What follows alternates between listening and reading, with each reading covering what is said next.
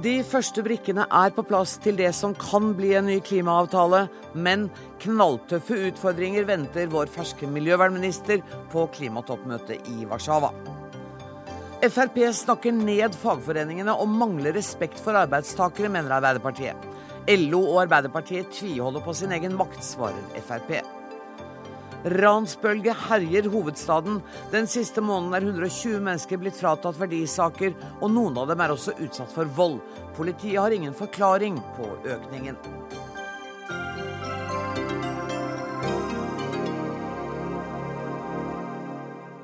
Dette er eh, Dagsnytt 18 eh, denne mandagen, der vi også skal snakke om eh, nobelprisvinner Doris Lessing, som døde i går. Men først.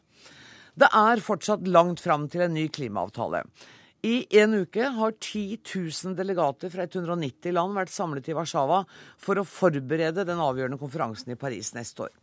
Det gledelige er at man nå er enige om noen punkter som bør inngå i en fremtidig avtale. Men utenriksmedarbeider Eivind Molde, du er også i Warszawa. Og vi kan vel ikke si at det går fremover med stormskritt? Nei, det har det vel i grunnen aldri gjort uh, på denne type møte, og det har det heller ikke gjort uh, denne gangen. Det går fremdeles tregt. Men de har også greid å komme opp med et A4-ark som vi fikk presentert uh, i dag. Vi fikk iallfall sett at det finnes, og der står det visse ting som er en konklusjon på den første forhandlingsveka. Hva slags ting da? Ja, enkelt og kort sagt så er det viktigst at det står noe om hva som skal være innholdet i en ny avtale. Eh, Bl.a. om dette med å forplikte seg til utslippskutt. Det står også noe om finansiering av klimatiltak i fattige land. Og Den norske forhandlingslederen understreka i formiddag at sett fra norsk side, så er det aller viktigste at en både fokuserer på raske utslippskutt her og nå, altså før avtalen er klar, forplikter seg til det. Og så på å lage en god prosess fram mot en ny avtale i 2015. Dette skal gå parallelt. På regjeringens nettsider som jeg var inne og leste i dag, så sto det at nå må det være et taktskifte i disse klimaforhandlingene. Er det noen ting som gjør at det er grunnlag for en optimisme nå? Altså, eh, De som har vært her eh, første veka, jeg har snakka med flere av dem, forteller jo at det er litt sånn, i, går litt i begge, begge, retninger. Det er både pessimisme og optimisme. Det er jo bra at en har fått på plass dette, men eh, det er jo slett ikke nok. fordi at alt ligger i grunnen veldig åpent nå når den såkalte høgnivådelen begynner, og en skal få ministrene på plass til å ta tak i dette og videreføre det. Og skal det bli et taktskifte som blir merkbart, så må det jo settes inn et støt nå eh, fra i morgen av og utover fram til fredag. Og på fredag skal eh, Warszawa-møtet være slutt, og så har man da et år på seg omtrent til det skal møtes i Paris igjen. Ja, det er altså eh, ja, det, er to år fram til, år, den, til, til, til, til, møtet i Paris. I mellomtida er det et møte i Lima. Det er også et høgnivåmøte. Et møte som Ban Ki-moon har kalla inn til i New York neste neste høst eh, for å presse landene til å forplikte seg. Og Jeg kan bare nevne to ting eh, som nå blir veldig vanskelig, og som skal avklares de nærmeste dagene. Det ene er jo nettopp dette spørsmålet om, om, avtalen som vi var inne på. Grunnlaget for den skal jo altså etter planen legges her i Warszawa. Mm. Tidsplan, forpliktelser osv. Eh, det er det ene. Det andre er finansiering. Og det er altså slik at eh, Verdenssamfunnet har lova 100 eh, milliarder dollar som skal være på plass årlig fra 2020 for å, for å, hjelpe fattige land med å tilpasse seg klimaendringene og kutte i sine utslipp. Og I disse tider der mange land sliter med dårlig økonomi, så kan du jo eh, lett forstå at her kan det bli temmelig utfordrende. Og På toppen av dette så har det nå kommet en utfordring som eh, går under navnet tap og skade fordi at uh, flere land, bl.a. Uh, i, uh, i stillehavsområdet, krever nå å få kompensasjon på skader som har kommet som følge av, av, klimaendringene. Her vil de altså ha penger på toppen av disse pengene som skal ligge i det grønne fondet som jeg akkurat snakka om. Så finansieringsutfordringa her blir jo kjempesvær. Tusen takk skal du ha, Eivind Molde, Lars Haltbrekken, leder i Naturvernforbundet. Det høres jo ikke helt optimistisk ut, som vi hører Molde si her. For nå haster det med å få til klimakuttene. Og der er jo ikke Norge får jo ikke mye ros internasjonalt. For vi er jo ikke blant de beste til å redusere våre egne kutt på egen jord. Nei, det kom en undersøkelse under klimaforhandlingene i dag hvor ja. Eh, Norge kommer ut sånn midt på treet. Mm. Eh, men vi trenger bare å se til våre naboland, Danmark og Sverige. De eh, topper den rangeringa, og de har jo klart å kutte sine utslipp. Og det er jo nettopp det vi trenger nå. Vi trenger nasjoner som går foran og reduserer sine utslipp kraftig, for at vi har ikke tid til å sitte og vente på at vi skal få en felles global avtale og en felles global pris på CO2. Vi trenger nå enkeltland som faktisk går foran og begynner å gjøre jobben.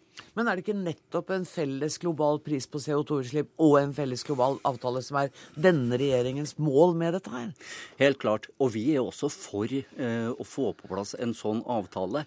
Men vi har ikke lenger tid til å sitte og vente på det. Og Derfor så må også denne regjeringa levere det de lovte gjennom hele valgkampen, nemlig en langt mer ambisiøs klimapolitikk også på hjemmebane enn det vi har sett eh, de siste årene. Fredrik Hauge, leder av Bellona. 100 eh, milliarder dollar årlig til de fattigste landene eh, fra 2020. Kommer de rike landene til å kjøpe seg unna klimaproblemene med dette? Nei, Det er jeg slett ikke sikker på. Og jeg tror også at det er mye som kommer til å se annerledes ut i disse diskusjonene i løpet av kort tid. Hvorfor det? Fordi at vi står altså, Det skjer også positive ting. Mm. Altså, la meg først si disse klimaforhandlingene det er litt sånn, det er håpløst, men vi gir oss ikke. Og det er ekstremt viktig at vi prater sammen på flere nivåer. Og det er også i disse klimaforhandlingene kommet en skal vi si, bruke et gammelt Bush-uttrykk, coalition of willing av land. Eh, det er det positive. Men det virkelig positive det finner vi jo egentlig andre steder.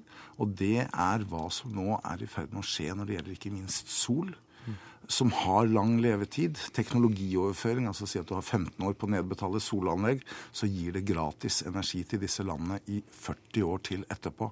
Og jeg tror at mye av diskusjonen kommer til å handle om hvordan vi også starter næringsliv med disse landene, som, eh, hvor vi tenker på en helt annen måte hvis vi skal løse dette. Jeg forstår at dere har forskjellige innfallsvinkler, men mener du at Haltbrekken er for utålmodig?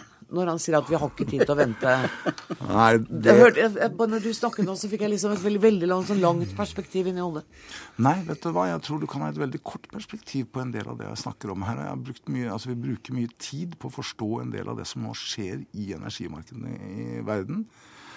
Og jeg tror at vi på mange måter kan si at sol kommer til å være konkurransedyktig for to tredjedeler av verdens befolkning innen 2020. Kanskje før. Og det stiller Norge i en spesiell utfordring. Og det stiller store krav til hvordan vi ser på bl.a. finansieringsmekanismene. Fordi jeg tror at mange av de store skal vi si, kraftselskapene i USA, Europa osv. Vil gå over ende. Og med det så vil vi også se en enorm strukturendring i finansnæringen. Og dette kommer vi til å se nå parallelt opp mot klimaforhandlingene i Paris, som er en stor milepæl i 2015. Så jeg, jeg syns det er veldig spennende tider vi lever i. Kanskje ikke så mye på klimaforhandlingene, men, men det er i ferd med å skje ting. Og det kommer unnenfra. Jeg tror vi har et regionalt kvotehandelssystem i Shanghai og Beijing i løpet av 14 dager, f.eks. Tror du det? Ja. Jeg vet det. Er du enig? kan du si mer om hva du vet? Nå får vi kanskje noen nyheter her. I løpet av altså 14 dager har vi en kvotehandelavtale i Beijing og i Shanghai. Ja, og dette er et eksempel Mellom hvem da? Dette er i ferd med å utvikle seg flere steder i verden. Så utvikler det seg nå regionale kvotesystemer. Og det kanskje kan grunne, danne et bedre grunnlag i fremtiden for at man kan få en global avtale. Og, og, det er vel en av de grunnene som gjør at ikke vi ikke avskriver kvotehandelssystemet fullstendig. Du sa hvis vi bare får en pris på CO2 globalt. Mm. Mm, vi er alle enige om det. Mm. Men hva gjør vi hvis vi ikke gjør det? Og det gjør at vi også får andre virkemidler vi må diskutere. Halvbrekken. Jo, det skjer definitivt mye positivt rundt omkring i uh, en god del land.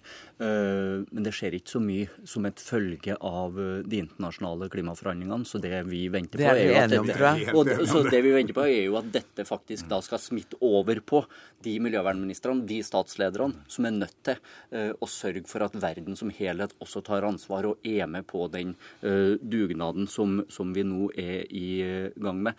Vi men fått... si, da sier du som Fredrik Hauge at f.eks nasjonale avtaler som denne klimahandelsavtalen mellom Shanghai og Beijing, mm. at det er sånn det kommer til å at politikerne kommer til å bli pressa ja, av denne type avtaler. Vi kan ikke lenger sitte og vente på at alle sammen skal bli enige. Vi er nødt til at enkelte land, enkelte selskap, går foran. Og der håper vi også at Norge nå kan følge etter. Og det er masse inspirasjon å hente fra våre naboland, Sverige og uh, Danmark f.eks., som da har kutta sine utslipp, mens vi har økt våre utslipp med uh, en god del prosent de siste årene. Burde ikke dere vært i Warszawa egentlig og snakka med dem, istedenfor å sitte her og snakke med meg? Nå har, nå har Bellona aldeles utmerkede folk, og vi har vært til stede. Jeg har vært til Ok. stede. Men, men nettopp noe av grunnen til at jeg ikke er til stede i år, er at vi bruker nå tiden på å se hva som skjer i det europeiske kraftmarkedet. Må huske på at det Tyskland har gjort med å gå foran på sol og det er mange samfunnsøkonomer som vil kritisere dette, men det gjør at det er syv ganger billigere for Kina å installere sol nå. Og egentlig så burde tyskerne hatt Nobels fredspris for det de holdt på med. Det må du Om si til noen helt andre enn meg. Tusen takk for at dere kom, Fredrik Hauge og Lars Haltbrekken. Hør Dagsnytt 18 når du vil, på nettradio eller som podkast. nrk.no – dagsnytt 18.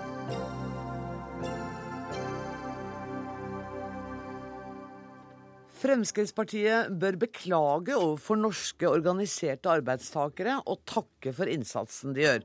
For fagforeningene bidrar til forutsigbarhet og stabilitet i norsk økonomi og gode vilkår for alle. Det står å lese i et innlegg i Dagsavisen i dag skrevet av deg, Truls, Truls Wickholm- Wickholm. Du er leder av det fagpolitiske samarbeidet i Oslo Arbeiderparti. Hva er det de bør beklage?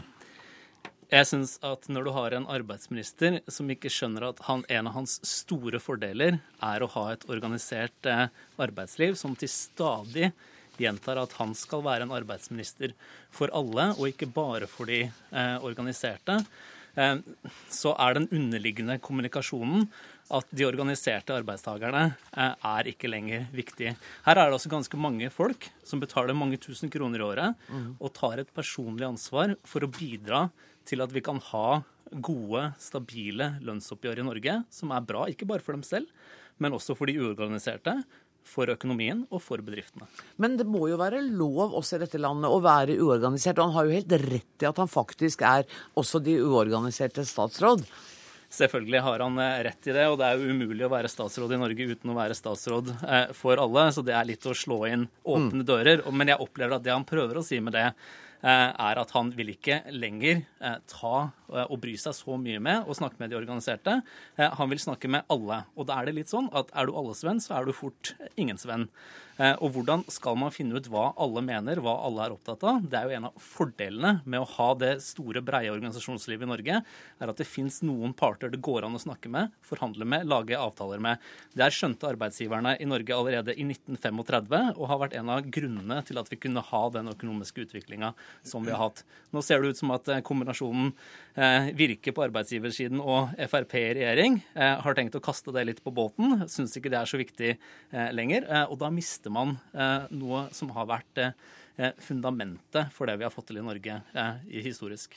Erlend Wiborg, du eh, rister både. Du er første nestleder i, av arbeids- og sosialkomiteen på Stortinget for Fremskrittspartiet. Du rister på hodet av dette. Dere dere er ikke i, i ferd med å kaste gamle, gode forhandlingsprinsipper båt, på båten? Nei, så absolutt. Eh, eh, Regjeringen nå er helt klare på at man ønsker et eh, trygt og godt arbeidsliv, der, og vi er positive til at eh, veldig mange er organisert, og mener at det er positivt. Det står i eh, regjeringsplattformen, det står i Fremskrittspartiets program. Men det som kanskje er forskjellen på dagens arbeidsminister og i forhold til tidligere tidligere arbeidsministre, at vi nå har en arbeidsminister som slår fast at han er arbeidsminister for alle. Uavhengig om du er fagorganisert i eh, LO eller i noen andre eh, forbund, eller om du velger å ikke være eh, fagorganisert. Og Det er det som skiller denne regjeringen eh, fra eh, den rød-grønne regjeringen, som eh, ga et monopol til LO. At LO og LOs meninger skulle ha monopolet, i motsetning til andre fagorganiserte og de uorganiserte. Hvordan vil denne nye holdningen gi seg utslag i praktisk politikk? Det er på flere områder. Det ene er at vi vil lytte og snakke med alle. Vi vil ta vare på alle arbeidstakere og sørge for rettighetene til de, uavhengig om de er organisert eller ikke. Og så vil vi ikke, sånn som den rød-grønne regjeringen la opp til, de la opp til å begrense fagforeningsfradraget til kun å gjelde noen organisasjoner som var med i en hovedsammenslutning. Og på godt norsk vil det da favorisert LO, mens eh, skadet andre organisasjoner og mindre organisasjoner. Det Men ikke si at vi snakker om størrelsen på fagforeningsfradraget. Nei, det er ikke størrelsen. Vi... Men her er det snakk om skal dette fradraget gjelde alle eh, eller bare noen få. Mm. Og der er vi helt klare på at fagforeningsfradraget det skal gjelde alle organiserte. Mm. Men så gjelder det også at vi må ha en regjering som tar vare på alle arbeidstakere. Om det gjelder å få ned eh, skatter og avgifter for den enkelte arbeidstaker, om det gjelder å sikre de anstendige eh, arbeids- og lønnsvilkår, uavhengig om de er organisert eller ikke. Men, men, sier du nå, la meg bare få oppklare dette, men, men var det sånn at under den forrige regjeringen så, så hadde de som, var, de som ikke var organisert i LO, hadde vanskeligere hverdag? Uh, ja, De ble i hvert fall mindre hørt. Eh, okay. Fremskrittspartiet fremmet f.eks. For eh, forslag om å innføre en minstelønn i Norge som skulle gjelde alle, noe som ville vært veldig effektivt i kampen, med, i kampen mot sosial dumping. Mm. Det valgte den rød-grønne regjeringen å stemme ned. Pga. at de ønsket at eh, minstelønn kun skulle være forbeholdt de som har en tariffavtale, og dermed medlemmene i LO. Og jeg mener at vi bør kunne få på plass ordninger som gjelder alle, ikke bare de få. Wikolm. Dette medfører jo ikke riktighet på, på, noen måte. og jeg tror at Noen av disse jo, argumentene her, her, har jo Wiborg funnet på. Vi har vært imot eh, minstelønn nettopp fordi at erfaringen fra andre land eh, viser at eh, minstelønn eh, fort, blitt, fort, vekk blir gjengslønn. Eh, det vi har vært for, har vært en allmenngjøring av tariffavtaler, type eh, som vi har hatt i bygningsarbeiderbransjen i, i Oslo. sånn at da ikke bare de som har vært medlem av Fellesforbundet, men alle som har jobba i bygningsbransjen, har måttet følge den tariffen. Fordelen med det er at det er ikke altså politikere som meg og Erlend som skal sitte på Stortinget og vedta hva som skal være minstelønnen, men det er partene, eh, bedriftene og de organiserte arbeidstakerne som hele tiden forhandler seg frem til et fornuftig eh, nivå. Det vil være med å presse lønna eh, oppover hele tiden, og ikke holde den på et lavt nivå, som vi har erfaring med at Frp og Wiborgs forslag ville ha, ha ført til. Så er det sånn at vi har foreslått tiltak Eh, og gang på gang prøvd å diskutere hvordan vi kunne gjøre det lettere å allmenngjøre tariffavtaler. Eh, og Der er det også høyresiden og Frp i Norge som har eh, vært imot det, og ikke ønska å gå inn på den type måten å gjøre ting på, fordi man ikke vil ha det organiserte arbeidslivet så sterkt med som det, det, vi vil. Er det riktig? Nei, det er ikke riktig. Vi ønsker et organisert arbeidsliv. Vi mener det er bra, og det er fornuftig.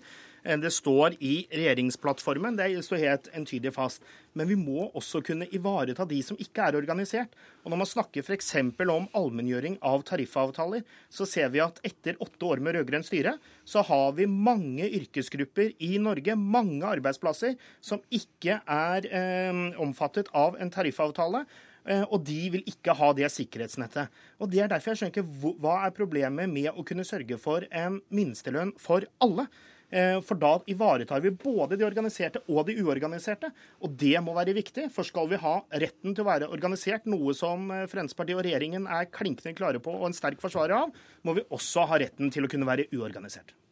Selvfølgelig skal man ha retten til å, å være uorganisert. Men da skal du også ha beskyttelsesverk? og vi har et beskyttelsesverk for eh, de som er uorganiserte, for alle arbeidstakere i Norge, som heter arbeidsmiljøloven. Jo, men som, Minstelønn ja, var det vi snakket om. Kan vi ikke holde tilbake jo, jo, til det? Kan vi, vi, kan snakke om men, men Wiborg drar jo inn flere eh, ting her. Eh, og han sier at vi, vi, skal sørge for beskyttelse for alle. Da finner jeg det også rart at man vil myke opp i eh, retten til å ha fast eh, stilling, at man skal ha mer midlertidige stillinger, at man skal kunne jobbe mer overtid. Men dette var forrige ukes debatt. La oss, ja, la oss snakke? Dette er jo det det, det er jo det det handler om. Man sier at man skal være for alle, men man vil samtidig gjøre rettighetene til alle svakere. Da er det Nei. viktig at vi har fagforeninger som kan stå opp for de eh, rettighetene. Jeg skjønner at du sier det, men la oss gå tilbake til minstelønn. For, for jeg forsto ikke helt argumentasjonen din for hvorfor det er så ille. Da ville jo alle hatt en garantert inntekt som var det aller laveste. Det kan du godt eh, si at er et argument, men erfaringen med å innføre minstelønn, de landene som har gjort det, er at eh, det ikke blir minstelønn, men det blir en gjengslønn. Det blir den vanlige eh, lønna. Og så skal den da vedta poli vedtas politiske i lovverket på Stortinget hvert eneste år hva som skal være minstelønna. Det skaper et utrolig lite dynamisk lønnssystem, eh, og det gjør at eh, partene eh, blir hele tiden dratt ned mot den grensa, istedenfor at man får lov til å jobbe opp mot det man mener er et fornuftig nivå i sin bransje. Dere kommer til å fortsette denne diskusjonen. Jeg må si tusen takk for at dere kom. Truls Wickholm fra, fra LO og Erlend Wiborg fra Fremskrittspartiet.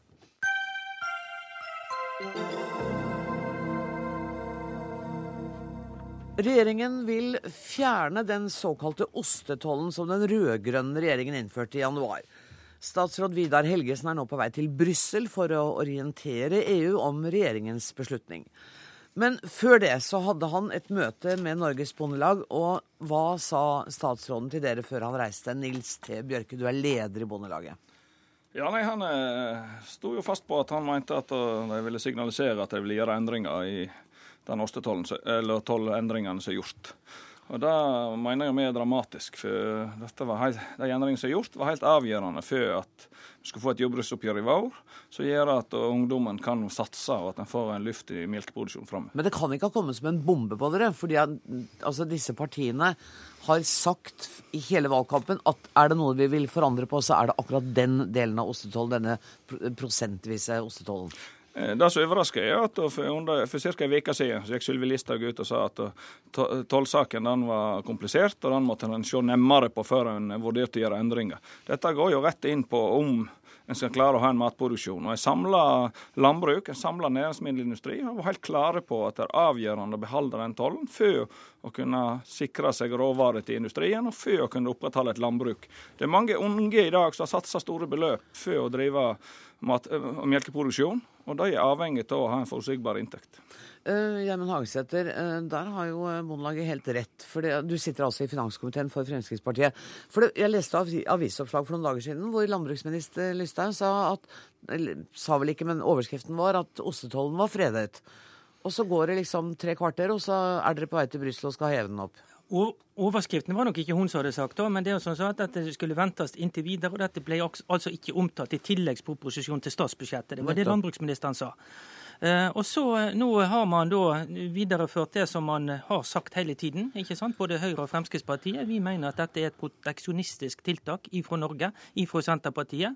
Eh, som har medført mindre mangfold av oster i, eh, på norske butikker, og også høyere priser. Slik at eh, Vi mener det at dette er dårlig for norske forbrukere, og vi mener at norske forbrukere fortjener et bedre mangfold og bedre priser enn det som man, dette, dette, vil medføre. Ja, og, og, Det gjelder altså noen oster. Det gjelder ja. uh, gule fastoster, mm. uh, som det vel heter, edamer og gouda og sånn, som er importert. Hvor mye har uh, importen sunket siden vi fikk den tollen? Det er vanskelig å ha eksakt oversikt over. For dette er jo noe som ble innført 1.1.2013, slik at den fulle effekten av dette er jo ikke trådt i kraft ennå. Men vi mener at dette er åpenbart et proteksjonistisk tiltak. Man har skjerpa tollen, gått altså fra kronetoll til prosentpoll, og det medfører det at enkelte oster forsvinner ut av, eh, ut av butikkene, norske butikker. Og det syns vi ikke norske forbrukere fortjener. Men er, du, men er ikke dere også enige med Bondelaget? Du skal få om et litt, jeg må bare spørre mm. litt sjøl først. Eh, at det er viktig å ivareta den norske produksjonen? Jo, og vi skal selvfølgelig ha en solid toll fortsatt i Norge. Men den er allerede en av verdens høyeste, og da kan ikke vi skjerpe den ytterligere. Da må vi heller legge til rette for at den kan reduseres sakte, men sikkert. Ikke noe brått, men at den må heller nedover de tollbarrierene, de tollmurene vi har. Dette og Hvordan skal dere da samtidig ivareta den norske bonden? Ja, altså, det er jo mange ting som kunne blitt lønnsomt i Norge hvis man hadde bare hatt høye nok tollmurer. Hadde man høye tollmurer på vaskemaskiner, så kunne man sikkert fått lønnsomt å produsere vaskemaskin i Norge. Men i Norge er et åpent land. Vi er også avhengig av å eksportere eh, fisk til EU. Eh, og Da må ikke vi begynne på denne måten, så kan altså risikere at andre arbeidsplasser på andre områder kommer i fare. dersom eh, Hvis vi da provoserer EU til å komme med tilsvarende virkemidler som vi har gjort for, å, for at de skal beskytte seg sjøl. Bjørke, proteksjonistisk politikk? Det, det, det er jo med respekt å melde tull. Vi har økt importen fra 2000 og fram til i dag. Tredobla importen. Så vi har gjort mye mer eller oppfylt EØS-avtalen i forhold til det. I dag så importerer vi faktisk 15 av forbruket av ost i Norge. Og vi har laga det til slik at du får alle spesialoster du vil, kan du ta inn på tollfri, med store tollfrie kvoter. Og Det som ikke snakk om at EU er opptatt av å eksportere til oss. EU beskytter sitt eget eh, osteproduksjon. De importerer bare 1% av forbruket av ost. I EU er import. Så Men, alle land eh, beskytter sitt eget landbruk. Spørsmålet her skal vi ha melkeproduksjon i hele landet. Skal vi ha et landbruk i Norge? Skal ungdommen kunne få lov å satse og vite at dette blir en næring til å leve med? Mm. Med det kostnadsnivået som vi har i Norge, som er helt avhengig til, og en samla matindustri sier det samme, skal de kunne fortsette med de 50 mm. 000 arbeidsplassene som de er, så er de avhengig av å ha stabile råvaretilgang. Næringspolitisk talsperson for Høyre, Svein Flåtten. Da de rød-grønne i fjor vedtok å øke den tollen, så sa du til Dagens Næringsliv at disse økningene straks skulle reverseres når Høyre kom til makta. Men i sommer så sa du også det samme, nemlig at det vil være lite fornuftig å reversere denne tollen over natta. Du og Listhaug liksom, hadde da innsett at dette var komplisert. Hva mener du nå? Jeg mener fortsatt at det selvfølgelig er en eh, kompleks eh, problemstilling. men uh, det Nils Bjørke glemmer, det er at uh, dette er ikke bare norsk matpolitikk og norsk melkeproduksjon. Dette dreier seg også om Norges handelspolitikk og forholdet til andre stater. og det har det, uh, det har, Slik har det vært hele tiden. Altså, Dette tiltaket som kom, det er ingen tvil om at det strider mot EØS-avtalen som vi har med, med EU, altså om at vi skal liberalisere handelen etter hvert. Og Det er jo noe av grunnen til at Vidar Helgesen nå reiser ned for å fortelle at vi jobber med disse tingene. Og så har jeg også lyst til å si til Nils Bjørke at dette, dette er ikke sånn ensidig at norsk landbruk går over ende om det skulle bli en reversering med dette. Dessuten vil denne reverseringen bli utformet i dialog med partene osv. Men det han glemmer å si, det er at når varene som kommer fra fra utlandet blir eh, Altså når det blir lagt toll på, så, vil, så er det fordi at norske melkeprodukter skal kunne prises høyere i det norske markedet. Og det er greit. Da kan bøndene få mer. Da blir det dyrere for de som selger dette. her, Det blir dyrere for de som produserer eh, varer i Norge. Og da taper disse varene i konkurranse med importerte, bearbeidede produkter som kommer inn på tollfrie kvoter. Jeg vet ikke hvor mange ganger jeg har diskutert dette med Bjørke, og det er jo et faktum at når vi beskytter oss med toll for å gjøre råvareprisene i Norge dyrere, så mister vi konkurransekraft og sikt. Slik er det bare. og Landbruket må også se på veldig mange andre tiltak for å få lønnsomhet inn i Og jeg syns det er trist at vi diskuterer bare dette og mye mindre Nils Bjørke, alle de andre tiltakene som vi kan gjøre for å utnytte kapasiteten i norsk landbruk og få den lønnsom på veldig mange andre måter. Det må dere gjøre en annen gang. Men, men Bjørke, er det sånn at dere ikke er så opptatt av at dere er konkurransedyktige? For at dere satser på ganske store overføringer fra staten, så det kan hangle og gå litt som du vil? Det er ikke tvil om at landbruk i Norge er politisk næring. Vi er nøyd av overføring skal drive et landbruk i den kostnaden.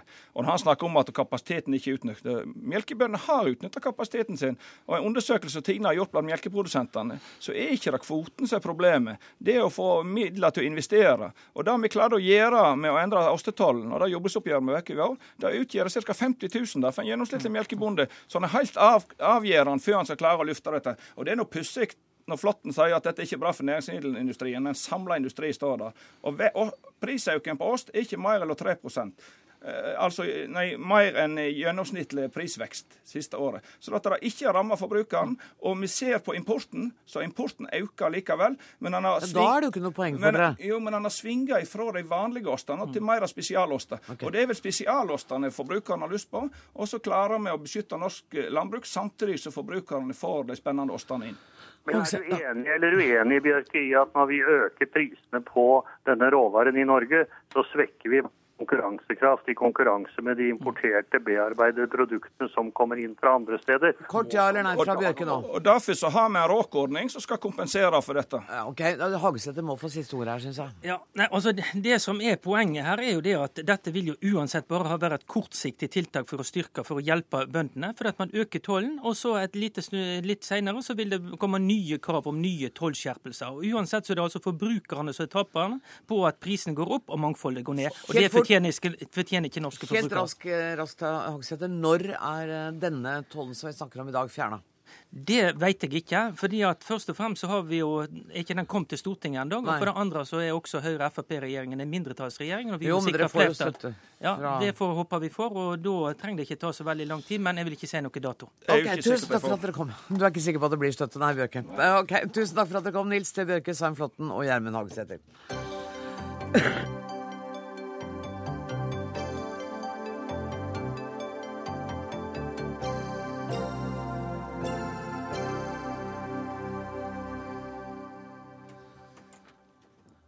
Da ønsker jeg hjertelig velkommen til eh, Jeg begynner med deg, justisminister eh, Anders Anundsen. Sier også velkommen til politimester eh, Hans Sverre Sjøvold til eh, leder av justiskomiteen Hadia Tajik og til Akhtar Ali, som er leder av Norsk innvandrerforum. Det skal dreie seg om den ransbølgen som Norge har Nei, Norge, Oslo har vært utsatt for. For hver grense for hvor svær vi skal bli i denne byen. Eh, og da har jeg akkurat fått inn en pressemelding hvor det står at eh, justisministeren har hatt møte med politidistriktet om strakstiltak, og at det er satt i verk en tiltakspakke for å få bukt med disse ranene.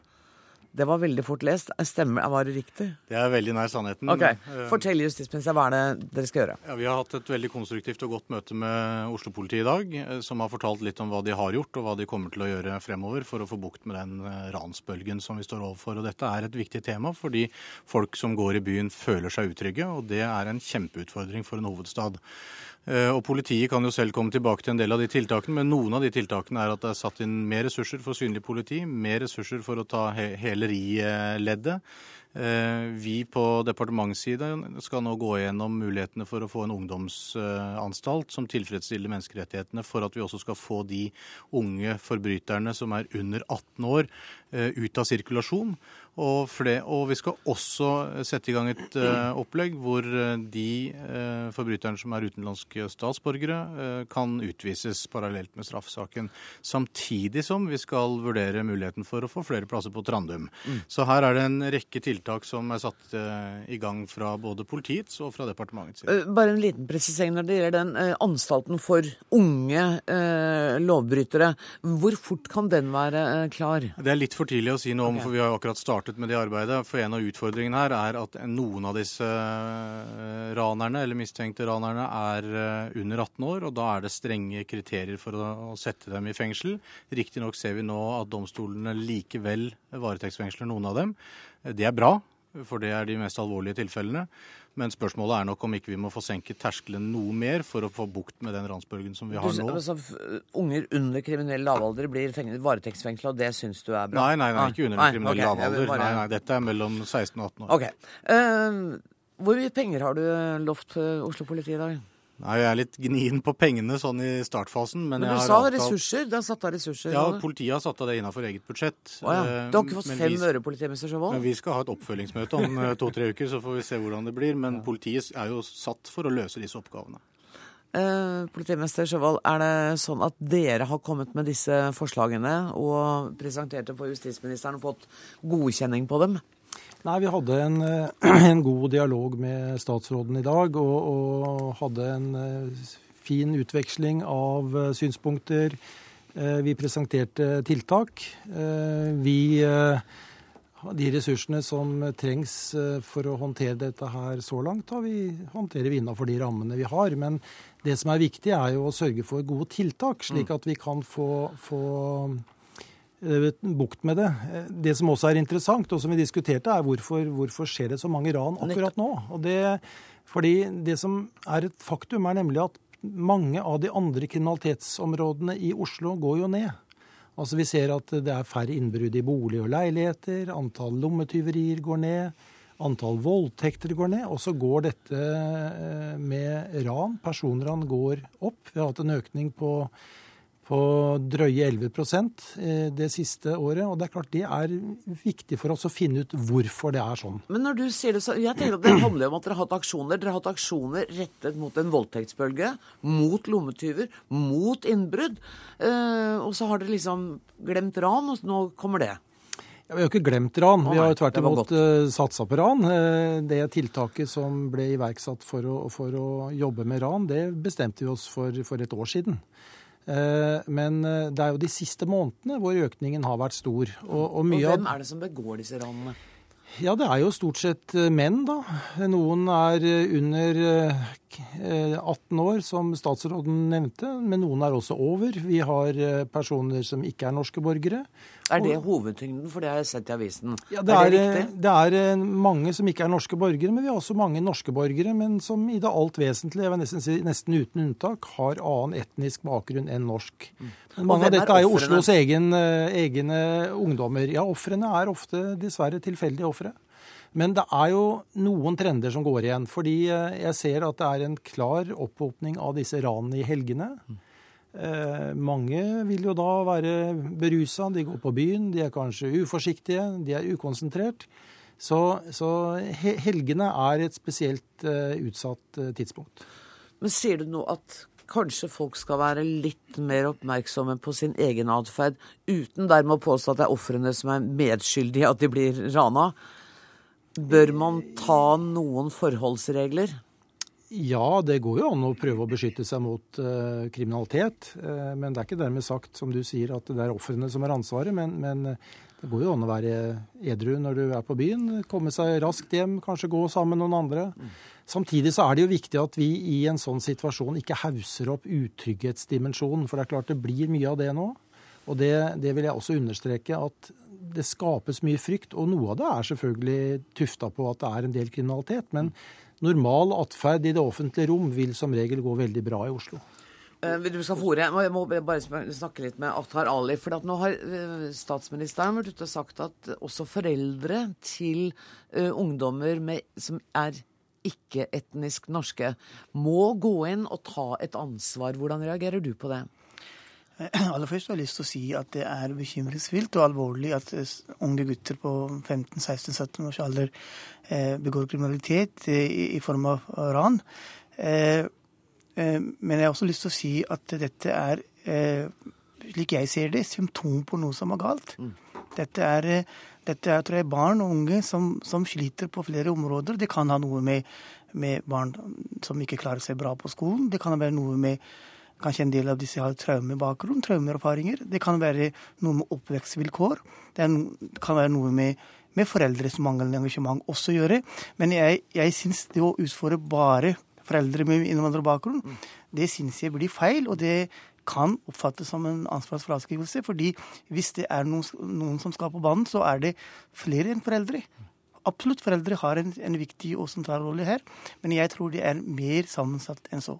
Hadia Tajik, du er leder av justiskomiteen. Hva er din reaksjon på det du har hørt nå? Jeg mener at man må kunne ha de samme forventningene til foreldre med innvandrerbakgrunn som det man har til alle andre foreldre, nemlig at de er til stede for ungene sine. At de setter tydelige grenser for hva de syns er akseptabel atferd. Og den forventningen mener jeg at man helt klart kan ha overfor foreldre med innvandrerbakgrunn òg. Og man ser jo at eh, mange av de som står for disse ranene, og det må man jo kunne si, har innvandrerbakgrunn. Mm. Noen av de er jo våre borgere. Mm. Og må fanges opp og følges opp, sånn at de kan få et mer normalt atferdsmønster. Vi kan bryte det kriminelle atferdsmønsteret som de er på vei inn i. Men en del av de skulle jo ikke vært der engang, og de må transporteres ut. Det som er viktig, er at når man gjør eh, noe gale, når man begår et lovbrudd, så må man oppleve at det får rask, en rask reaksjon på det, og at man får en tydelig reaksjon på det. Og der er vi vel ikke akkurat like gode, for der har det vært mange historier om folk som har ranet den ene dagen, og så går det et par dager, og så er de ute på gata og går nye ran. Ja, her har, vi, her har, vi, en del å gå på. Men jeg mener at det er flere ting som kan bli gjort. Det ene er jo som sagt uttransporteringen av de som ikke burde være her. Men en annen ting er jo at eh, når unge mennesker begår lovbrudd i Norge i dag, så må de fanges opp og de må følges opp. Og det er flere aktører som har kontakt med disse ungdommene enn, det, enn bare politiet. Mm. Det er barnevernet, det er foreldrene, som sagt, det er skolen. Der er du helt enig med Akhtar Ali. Og alle disse aktørene må kunne sette klare, tydelige grenser for disse ungdommene. På lengre sikt så er det i hvert fall to ting som må bli gjort. Det ene er at man må få på plass flere ungdomsenheter, altså fengselsplasser som unge mindreårige kan være på. Som Anundsen nettopp sa. Der har vår regjering eh, satt i gang et viktig arbeid i Bergen, men man trenger òg flere plasser i Østlandet. Mm. Det forventer jeg at justisministeren følger opp raskt. Det andre er å uh, få på plass ungdomsstraffen. Det er en ny straffeform som uh, man kan eh, sette i gang med allerede fra 2014, som innebærer at man uh, som en ungdom som begår noe kriminelt, møter sterke sosiale sterk sosial kontroll. At man i stedet for å havne i fengsel og, og gå på en forbryterskole, hvis man havner sammen med andre voksne med hardbarka kriminelle, må opp om morgenen, må på skolen, må på arbeid. Og det, det, som bekymrer meg litt der, er at eh, selv om justisministeren har sagt at han er positiv til ungdomsstraffen, så har han kutta i midlene til nettopp ungdomsstraffen. Ok, men Jeg skal ikke i den nye budsjettdiskusjonen, vi skal inn snakke om holdninger. Det kommer nye eh, plasser for ungdommer som er kriminelle. Eh, og du får jo stort sett støtte her rundt hele bordet for de tiltakene som nå er satt i gang. Ja, altså jeg er veldig tilhenger av raske omstillinger, men maken til rask omstilling som tidligere statsråd Haja Tajik har vært igjennom, det skal man lete lenge etter. For de plassene som hun snakker om i Bergen, det er to ungdomsplasser. På Østlandet så er det ingen.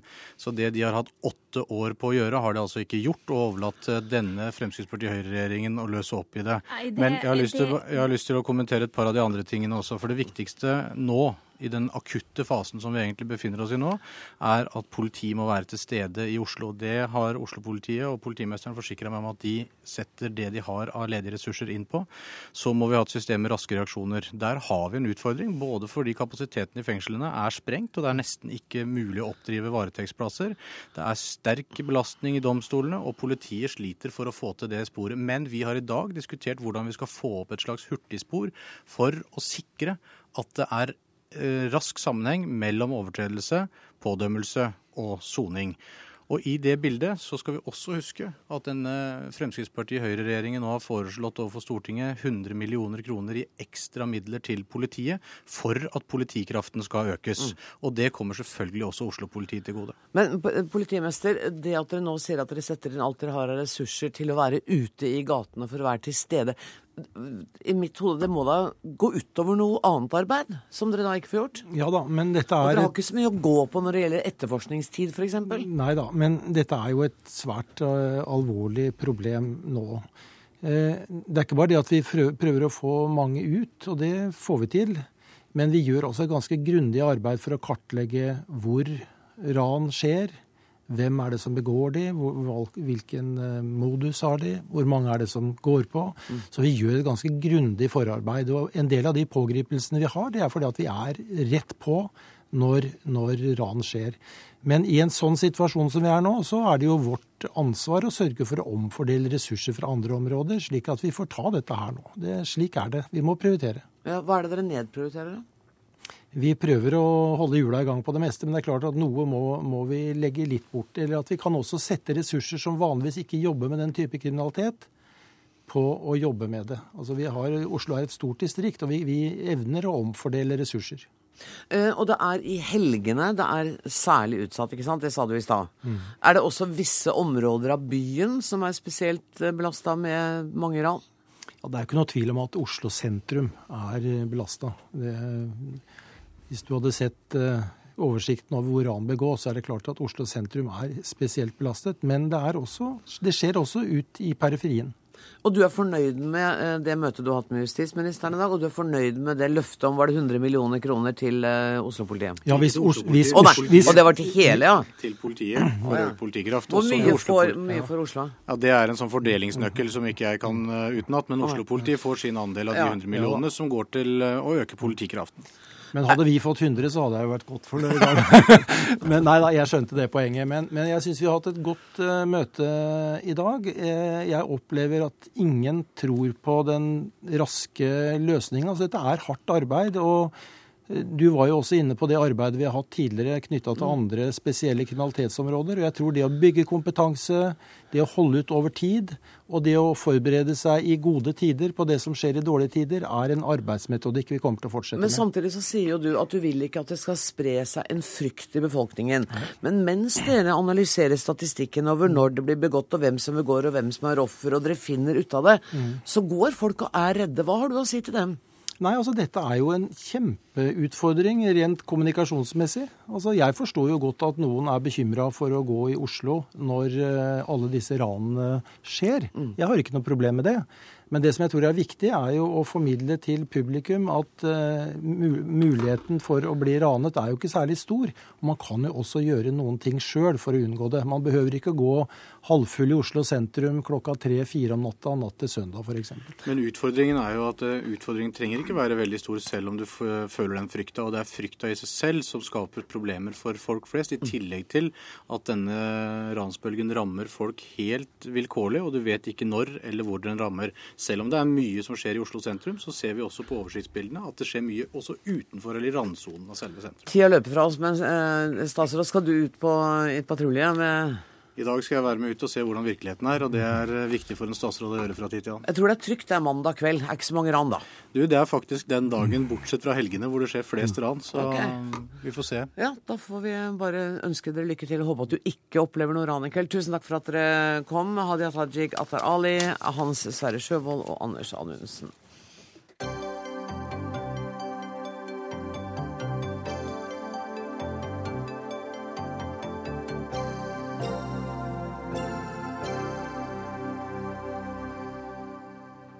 En video med en polititjenestemann som sparker en politihund i hodet under en hundemesse, eller under forberedelsen til en hundemesse, har skapt sterke reaksjoner. Hendelsen ble filmet uten at tjenestemannen var klar over det. Live Kleveland, du er informasjonsansvarlig i Dyrevernalliansen. Hvordan reagerte du på denne filmen? Det er en video som eh, viser grov vold uh, mot hunden. Eh, hunden eh, setter seg ned, og etter at den har satt seg, så eh, går politimannen til angrep og sparker rett mot hodet til hunden. Og det er et klart lovbrudd. Eh, Det er forbudt å utøve vold mot dyr. Det følger av dyrevelferdsloven fra 2009. Eh, Og dette er et glassklart eksempel på nettopp den type vold som er forbudt. Så det er straffbelagt. Hva slags reaksjoner burde denne tjenestemannen få? Dyrevernalliansen forventer jo nå at eh, politiet tar denne saken på alvor, og det ser vi med glede at det later til at de gjør. Eh, Det som nå må vurderes, er om denne tjenestemannen skal få lov til å fortsette å jobbe med hund. Eh, Vi er nok av den oppfatning at mye tyder på at han aldri mer bør jobbe med politihunder. Knut Hauge, redaktør av hunden.no, og selv eier av to hunder.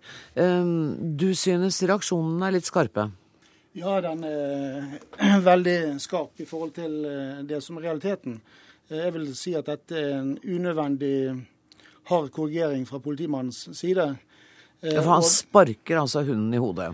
Ja, men jeg vil si at det er et Man kan vurdere om det er spark eller om det er er skubbing. Men den er Jeg vil si at dette er en Det var en unødvendig, helt unødvendig reaksjon der og da. Men, eh, og de reaksjonene som er kommet fra Dyrevernalliansen og fra andre i det miljøet, de er helt eh, ute av proporsjoner. Eh, Men loven er jo helt tydelig her. Eh, dette er et definisjonsspørsmål. Eh, hvis eh, du driver med hund i Norge eh, Folk driver med hund i veldig forskjellige sammenhenger. Eh, driver du med trekkhund, har eh, 20 hunder i en hundegård, eh, så er det fra tid til annen at de kaster seg over hverandre. Og Da bruker du det de, du har, armer og ben, og eh, skiller de. Men det Eh, vil jo være for å skille i en konflikt som potensielt kan være livstruende for Mm. hundene. Det er vel noe annet? Jo, men eh, hvis vi eh, ser på de arbeidsoppgavene som en politihund eh, har, som er ekstreme, og hvor eh, politimannen eh, må ha absolutt eh, lederskap over hunden. Han kan ikke diskutere med hunden. Eh, så kan du tenke deg i en situasjon hvor politimannen er på jobb, eh, er på eh, jakt eller på sporet av en innbruddstyv, og hunden løper etter, da skal hunden hvis personen stopper, så skal hunden bli stående og bjeffe. Hvis, hun, hvis personen løper, så skal hunden hoppe opp i armen og holde han nede. Hvis hun gjør det, og politimannen kommer der, og han sier 'slipp', og hun ikke slipper, så er det Da må han bruke fysisk makt for å få den til å slippe. Og da vil det bare være korreksjon av atferd mer enn det vil være vold. Er det ikke noen forskjell på det i dine begreper, på korreksjon av atferd og vold mot hund? Jo, det er en stor forskjell. Og når jeg hører deg snakke nå, så føler jeg at vi er 15 år tilbake i tid. For for 15 år siden så hørte man veldig ofte denne type holdninger blant hundefolk. Men heldigvis har masse skjedd. Og per i dag så vet vi jo at dette er helt utdaterte metoder. Og det har ikke noe med dyrevelferd å gjøre heller. Det har noe å gjøre med hvordan man effektivt kan oppnå ønsket atferd hos dyr. Mm. Og det vi vet i dag, det er at med positiv innlæring så oppnår man veldig gode resultater, og, på en hyggelig måte. Det med som, belønning, liksom? Med belønning, f.eks. Og, og det som kan skje når man oppfører seg sånn som dette mot en hund, det er at man skaper en tikkende bombe. For denne hunden vil reagere med frykt.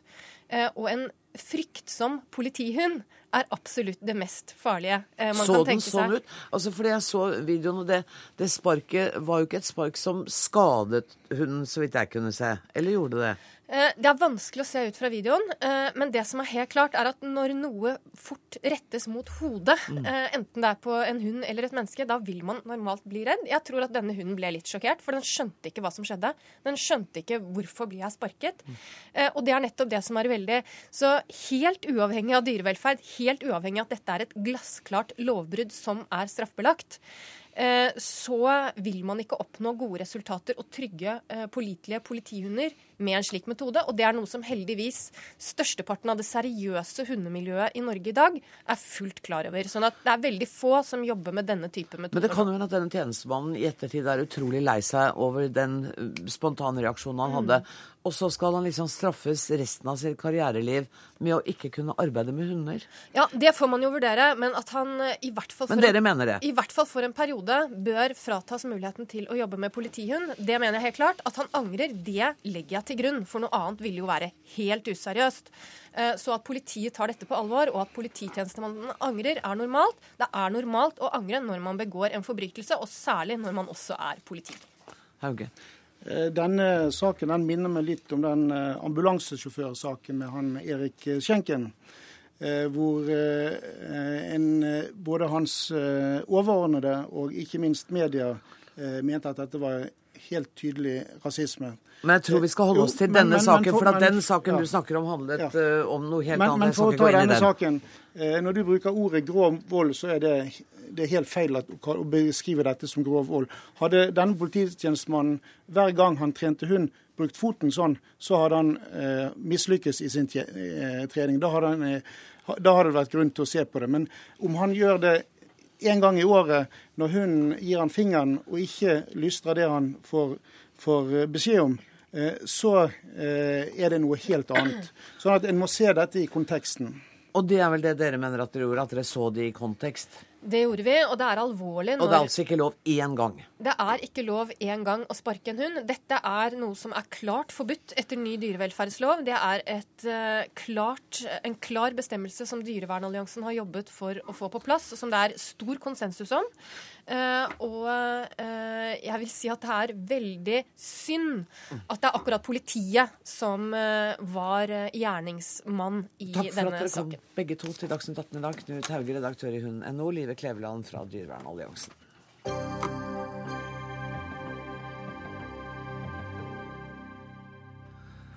Hun ble hyllet som den største feministiske forfatteren i forrige århundre. Hun er blitt utskjelt og refusert pga. sine politiske standpunkter.